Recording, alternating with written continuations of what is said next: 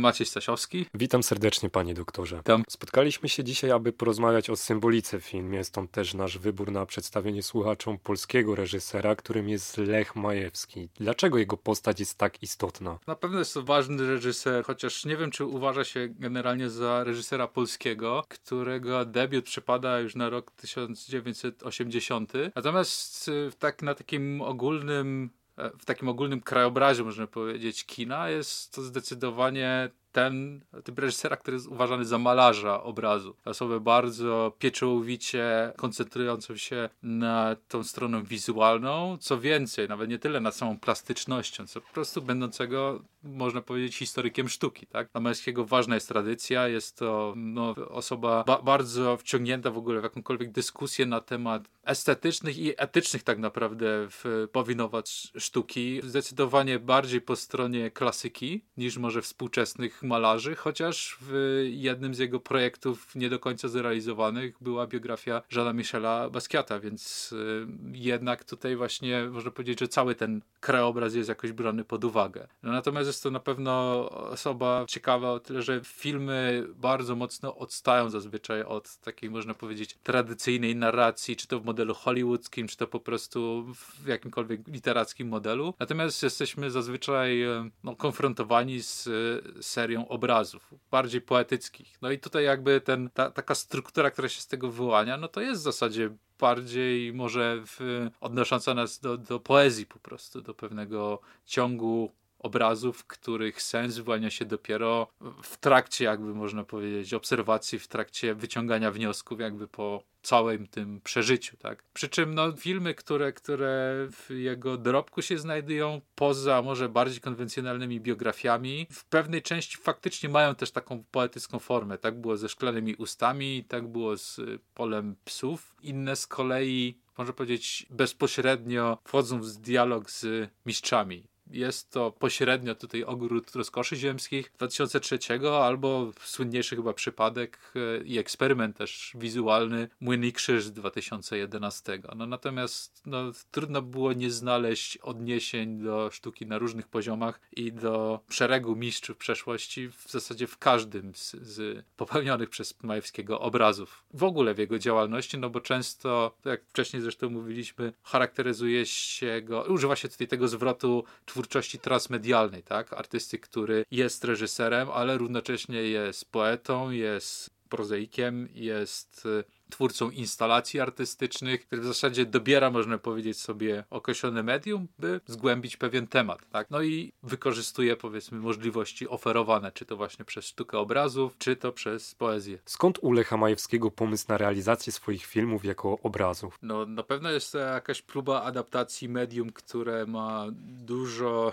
bogatszą może historię, tak? Sztuki wizualnej obrazów i tradycji malarskiej. No i próba odzwierciedlenia tego w nowym medium przy jak najmniejszych stratach, można powiedzieć. Ale to jest też moim zdaniem zawsze taki zabieg, który ma na celu trochę dotarcie do współczesnych. Tak? No bo wiadomo, że czasy się zmieniają, mimo tego, że jesteśmy kulturowo coraz bardziej jakby wciągnięci może w wir wizualności, audiowizualności na różnych płaszczyznach. Obcujemy, rozmawiamy filmami, serialami, jesteśmy dobrze zaznajomieni z wszelkimi możliwymi konwencjami reklamy, także przede wszystkim jeżeli coś do nas przemawia faktycznie. To jest to w mniejszym stopniu już dzisiaj literatura, sztuka druku, a w coraz większym pewne konwencje reprezentacji wizualnej. To i tak w tym całym krajobrazie, znaczy w, w tym całym kontekście, można powiedzieć, że tradycje związane z malarskością, w ogóle ze, ze sztuką malarstwa historycznego na przykład, no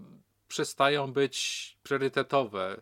Mniej prawdopodobnie chodzimy do muzeów, zresztą też ta sztuka eksponowana w muzeach, szczególnie w przeciągu ostatniego stulecia, stulecia zakładem, uległa bardzo drastycznej transformacji, więc no i to, co tu często podkreślał właśnie na czasie różnych wystąpień publicznych, wykładów inauguracyjnych sam Majewski, to to, że po prostu z czasem współczesny widz, można powiedzieć, stracił umiejętność czytania wszystkich tych kodów, które były dosyć naturalne dla, nie wiem, osób, które zachwycały się powiedzmy flamandzkimi płótnami czy włoskimi malarzami w XVII wieku. Czym się charakteryzują kody zaproponowane przez reżysera? Symboliką, alekorycznością, faktycznie czytaniem obrazów przez taki, e, przez filtr od tradycji judeo-chrześcijańskiej, a z tego w jakim stopniu występujące obiekty na obrazie często, czy to w martwych naturach, czy jakieś elementy powiedzmy sztafażu na obrazach odnoszą się do pewnych głównie scen biblijnych, tak, różnych alegorii, gdzie za pomocą występowania określonego przedmiotu opowiadana jest historia. To jest też dosyć ciekawy jakby taki obszar, który odnosi nas trochę, jak myślę, do samego związku ewentualnego kina, czy takiego szukania powiedzmy związku właśnie, czy pomostu, przerzucania pomostu pomiędzy, no właśnie, tradycyjnym malarstwem, jeszcze XIX-wiecznym czy XVIII-wiecznym, a dzisiejszą sztuką obrazów, tak? Kiedy dzisiaj obcujemy z obrazami w kinie, no to zazwyczaj nie ma czasu na kontemplację kadru, chyba że u, u wybranego kręgu reżyserów, tak? Ale zazwyczaj to jest seria atrakcji, bardzo szybko nacierających na nas, zmieniających się obrazów, głównie w kinie akcji, tak? Czy w filmach o superbohaterach, które jakoś właśnie działają na nas jak, jako pewien e, no, tak konglomerat atrakcji wizualnych. No, natomiast recepcja obrazów tradycyjnych, nie wiem, w, powiedzmy w malarstwie historycznym, scen bitewnych, czy też alegorycznych obrazów renesansowych, no to to jest w zasadzie kontemplacja zatrzymanej w momencie potencjalnej akcji, która rozgrywa się na kilku planach. Często nawet sekwencja czasowa również zostaje przedstawiona w zasadzie no, w tym symultaniczny sposób, tak, jako pewna historia w,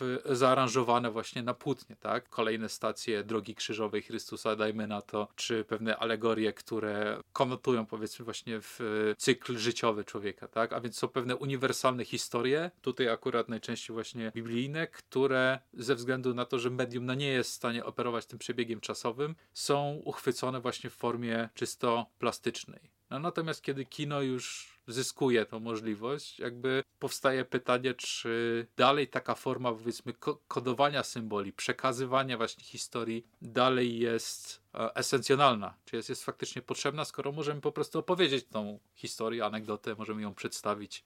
Jak pan myśli? Jak pan to widzi, kiedy ogląda pan po prostu współczesne filmy, nie? Chodzi pan na no nie wiem, ostatnie powiedzmy ciekawe premiery kinowe, które jakoś zapadły panu w pamięć? Czy, czy nie wiem, kłaniały pana do takiej refleksji, że może w tym obrazie jest coś takiego, co opiera się tej logice właśnie takiej gwałtownej sekwencji obrazów, tak? Czy takiej... Wie pan, brakuje mi kina symbolicznego, niejednoznacznego. Ostatnim takim filmem był chyba Lighthouse, o którym zresztą wspominaliśmy przy naszej ostatniej rozmowie. Wydawałoby się, że będzie to film spokojny, grający czystymi kadrami, a znikąd pojawia nam się już tak dawno niewidziany w kinie Bóg Cthulhu. E, moje pierwsze wrażenie nie wiązało się z poczuciem grozy czy strachu, tylko pewną dozą interpretacyjną, dlaczego akurat ten mit został wybrany do tego filmu. Z kolei u mojej dziewczyny pojawiło się pytanie, czym samo Cthulhu jest. Tak. Oglądamy pewną scenerię w filmie i od razu kojarzymy to z naszym, nie wiem, typowym doświadczeniem, powiedzmy, nie wiem, scenerii miejskiej, tak? tak? Ale tu, do, przepraszam, że przerywam, ale tutaj jest właśnie takie ciekawe połączenie, nie? które się ustanawia z Majewskim. Majewski tutaj twierdzi, że zacytuję tutaj fragment jego jego, wykładów de facto, później zebranych właśnie w książce Ukryty język symboli, tak? Gdzie pisze on, nie uczymy się symboli, wykpiliśmy je, odwracamy się od spuścizny poprzednich cywilizacji, od opowieści o głębi naszej egzystencji, o rozpiętości, jaką mogłoby mieć nasze życie, gdybyśmy chcieli. A zatem tutaj ta teza jest taka, że faktycznie nie umiemy czytać obrazów, nie potrafimy rozpoznać alegorii, które odnoszą nas do przypowieści biblijnych, no i tym samym jesteśmy ślepi niejako właśnie na tą warstwę. No ale tutaj właśnie mówi Pan o filmie współczesnym, gdzie jest nawiązanie do Cthulhu, a więc tekstu kultury, no powiedzmy współczesnej, ale też już mającym ponad 100 lat, tak? Na zasadzie pewnej, no co,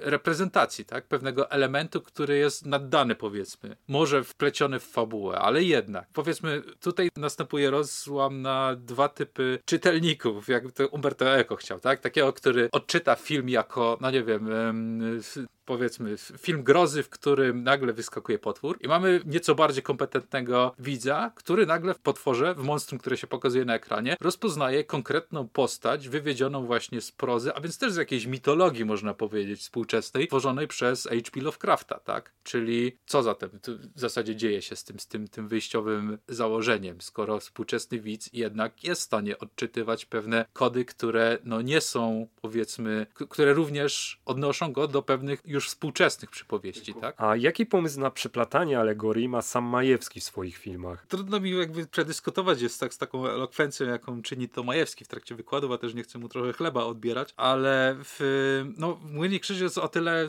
ciekawym przykładem, że jest to inscenizacja obrazy. To jest de facto um, ożywiona wersja płótna, której no, w pewnym sensie przez czas um, akcji ekranowe rozwijane są historie postaci na obrazie, a zatem to, co tam powiedzmy zostało skondensowane w alegorycznej formie, no tutaj można powiedzieć, że zostaje rozwinięte, tak, w pewnym sensie. Natomiast bardzo często w, w ogóle w filmach Majewskiego pojawiają się takie bardzo skondensowane, poetyckie obrazy, które przywołują na myśl pewne często wizje e, oniryczne, pewne właśnie czasami surrealistyczne wręcz symbole, które też mają z założenia może nie odnoszenie się zawsze każdorazowo do e, w, konkretnej przypowieści, ale jednak też mają jakiś ładunek, można powiedzieć, który wystaje poza to, co, które, który no, eksploduje tą scenę w pewnym sensie. Już nie pamiętam teraz filmu, to jest chyba w Oniryce. Scena, gdzie człowiek e, przez środek supermarketu e,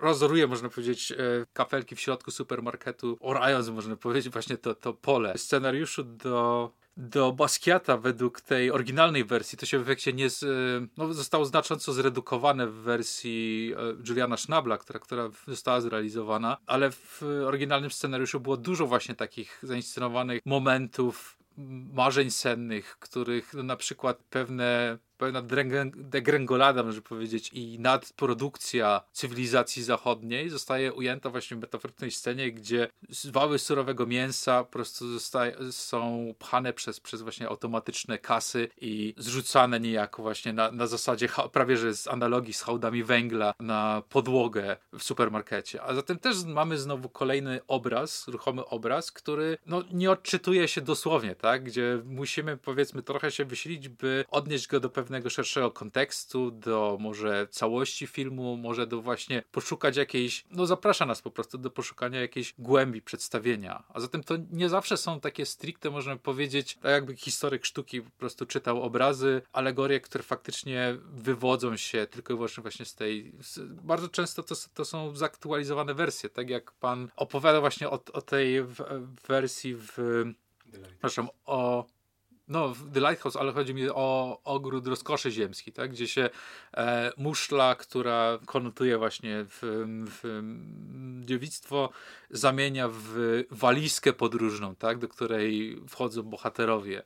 E, a zatem też jakby nie, nie jest to w, e, bardzo często właśnie można powiedzieć, że, że ta e, interpretacja tradycyjna reprezentacji wizualnych, ale właśnie takich elementów wywiedzionych z, z, tradycji malarstwa, właśnie w tej inkarnacji, w tej wersji, w tej odsłonie filmowej, ona zyskuje pewne uaktualnienie. Ona szuka powiedzmy współczesnych form, które są w stanie pomieścić jako takich kontenerów albo pojemników, które są w stanie dalej nieść właśnie to symboliczne znaczenie. Może to śmiała teza, ale nie wydaje się panu, że przy współczesnym widzu kino artystyczne skazane jest na porażkę?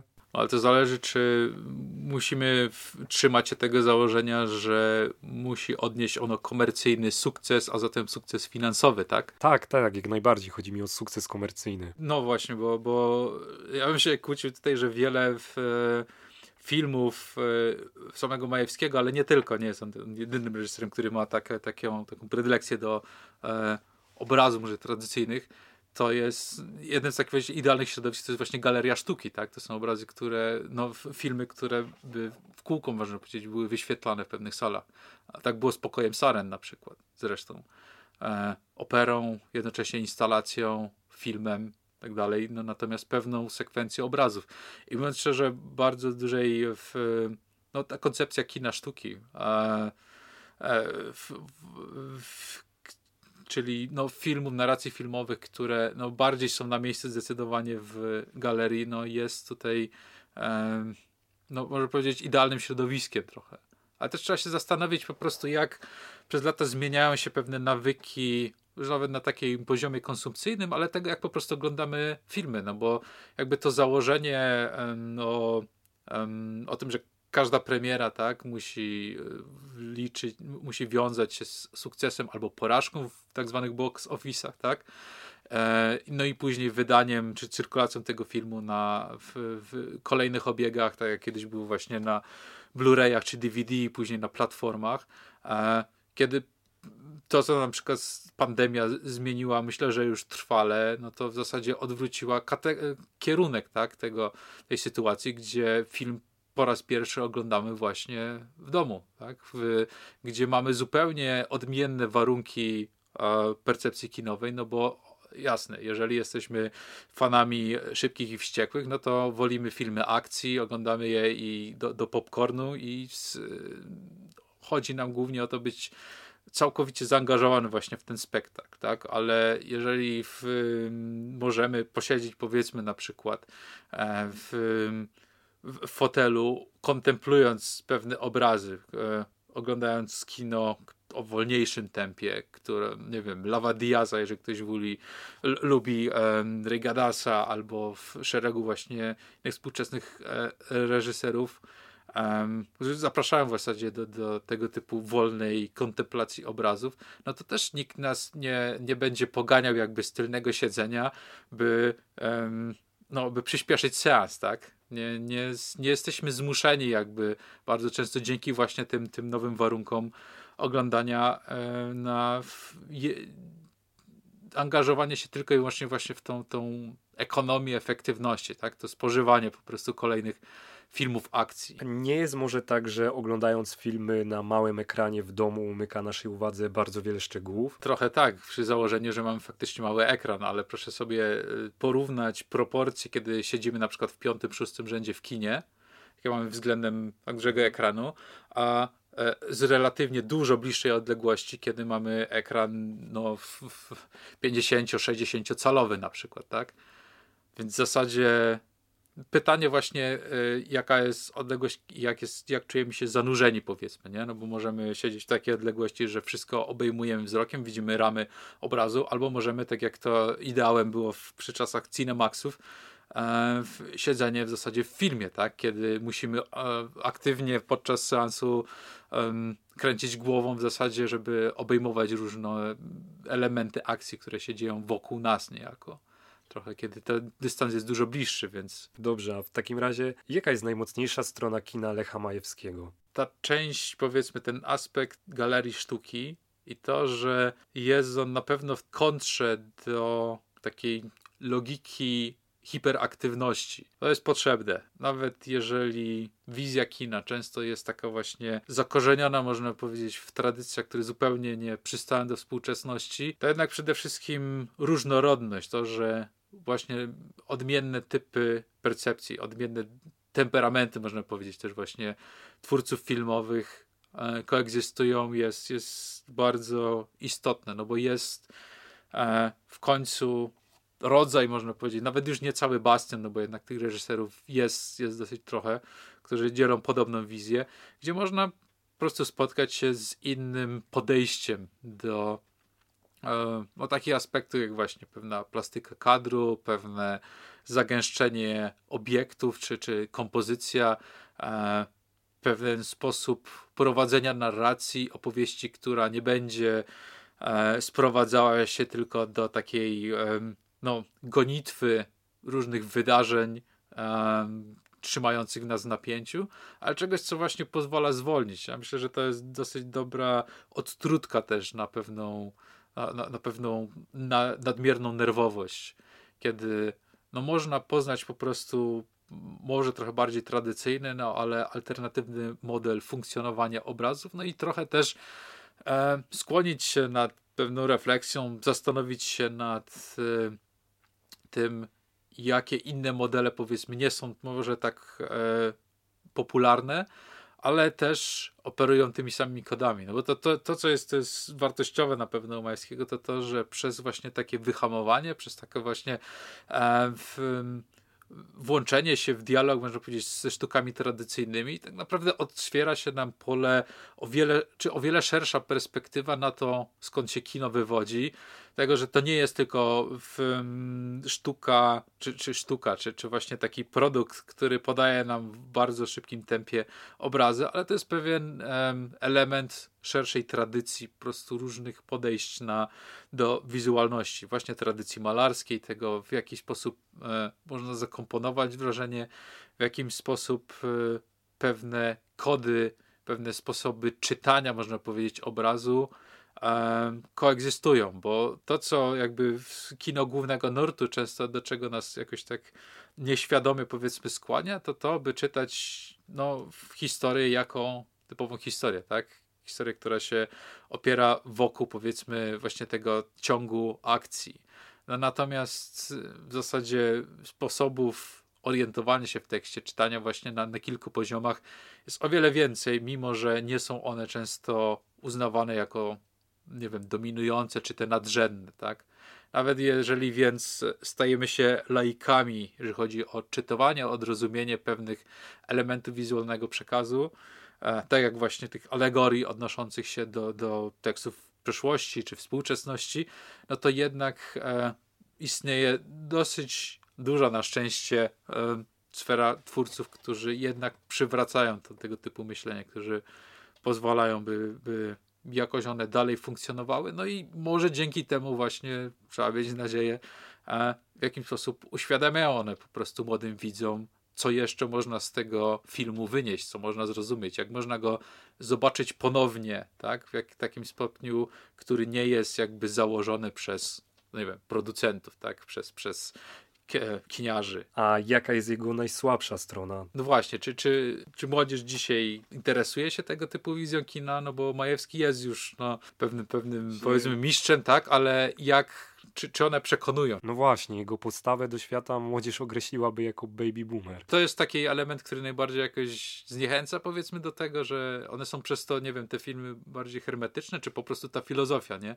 Tak, że nic nowego, popro... no, no bo on de facto, jak, jak, tak jak właśnie się wczytywaliśmy tutaj w, i w, w jego książkę i w wykłady, no to to jest człowiek, który jednak zaznacza, że no tak naprawdę nic co nowe nie jest w stanie go zaskoczyć, a na, na plus, tak? Nie, tak. nie jest w stanie równać się oczywiście z mistrzami przeszłości, no ale czyli w takim razie nic co nowego w kinie, w sztukach tak naprawdę no, nie jest warte uwagi, tak? Kogoś, kto docenia sztukę renesansu. Czy tak jest faktycznie? Zostawiamy otwarte pole dla komentarzy. Dajcie nam znać, drodzy słuchacze. Tak. Czekamy na listy i maile. Dziękuję serdecznie. Do usłyszenia za tydzień. Też serdecznie dziękuję zarówno mojemu rozmówcy, jak i wszystkim słuchaczom. Do usłyszenia.